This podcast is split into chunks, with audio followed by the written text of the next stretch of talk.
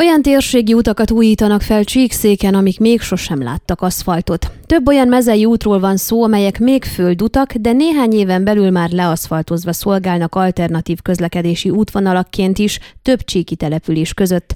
Az Országos Vidékfejlesztési Program kiírásán több csíki közösségi fejlesztési egyesület is nyújtott be pályázatot, így a Csíkszeredát, Csíkcsicsót, Madéfalvát és Csíkrákost tömörítő Forest, a Bogát Önkormányzati Fejlesztési Egyesület, Csicsó, Madéfalva, Rákos, Csík, Szent Mihály tagsággal, a közép Csík, Csicsó, Rákos és Madéfalva képviseletében, valamint Madéfalva község. Ezek közül hármat nyilvánítottak nyertesnek, a Bogát kivételével a többiek 1-1 millió euró értékű finanszírozásban részesülnek különböző mezei utak korszerűsítésére, ismertette kérdésünkre Szentes Csaba Madéfalvi polgármester.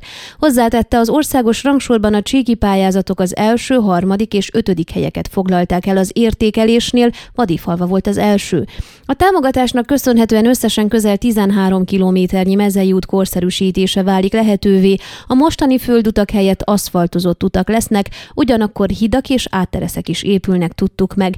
Elsősorban a pontozási kritériumoknak igyekeztünk megfelelni, ezért nem tudtuk feltétlenül azokat az utakat belefoglalni, amelyek leginkább felújításra szorulnak, vagy a legtöbben használják.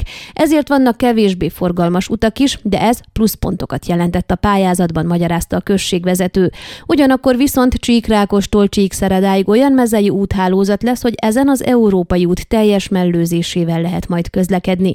Így a gerinc útvonalak Csicsót Csíkszeredával, Madéfalvát Csicsóval, illetve Rákossal kötik majd össze. A következő időszakban a finanszírozási szerződés aláírásához szükséges dokumentációt kell benyújtaniuk és beszerezni a hatósági engedélyeket, amelyek közül a környezetvédelmi a legidőigényesebb, tért ki Szentes Csaba a következő lépésekre.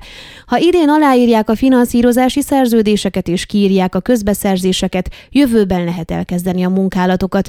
A nem elszámolható költségek nem számottevők, így a költségvetéseket nem terheli meg, említette az előjáró. Ön a Székelyhon aktuális podcastjét hallgatta. Amennyiben nem akar lemaradni a régió életéről a jövőben sem, akkor iratkozzon fel a csatornára, vagy keresse podcast műsorainkat a székelyhon.pro portálon.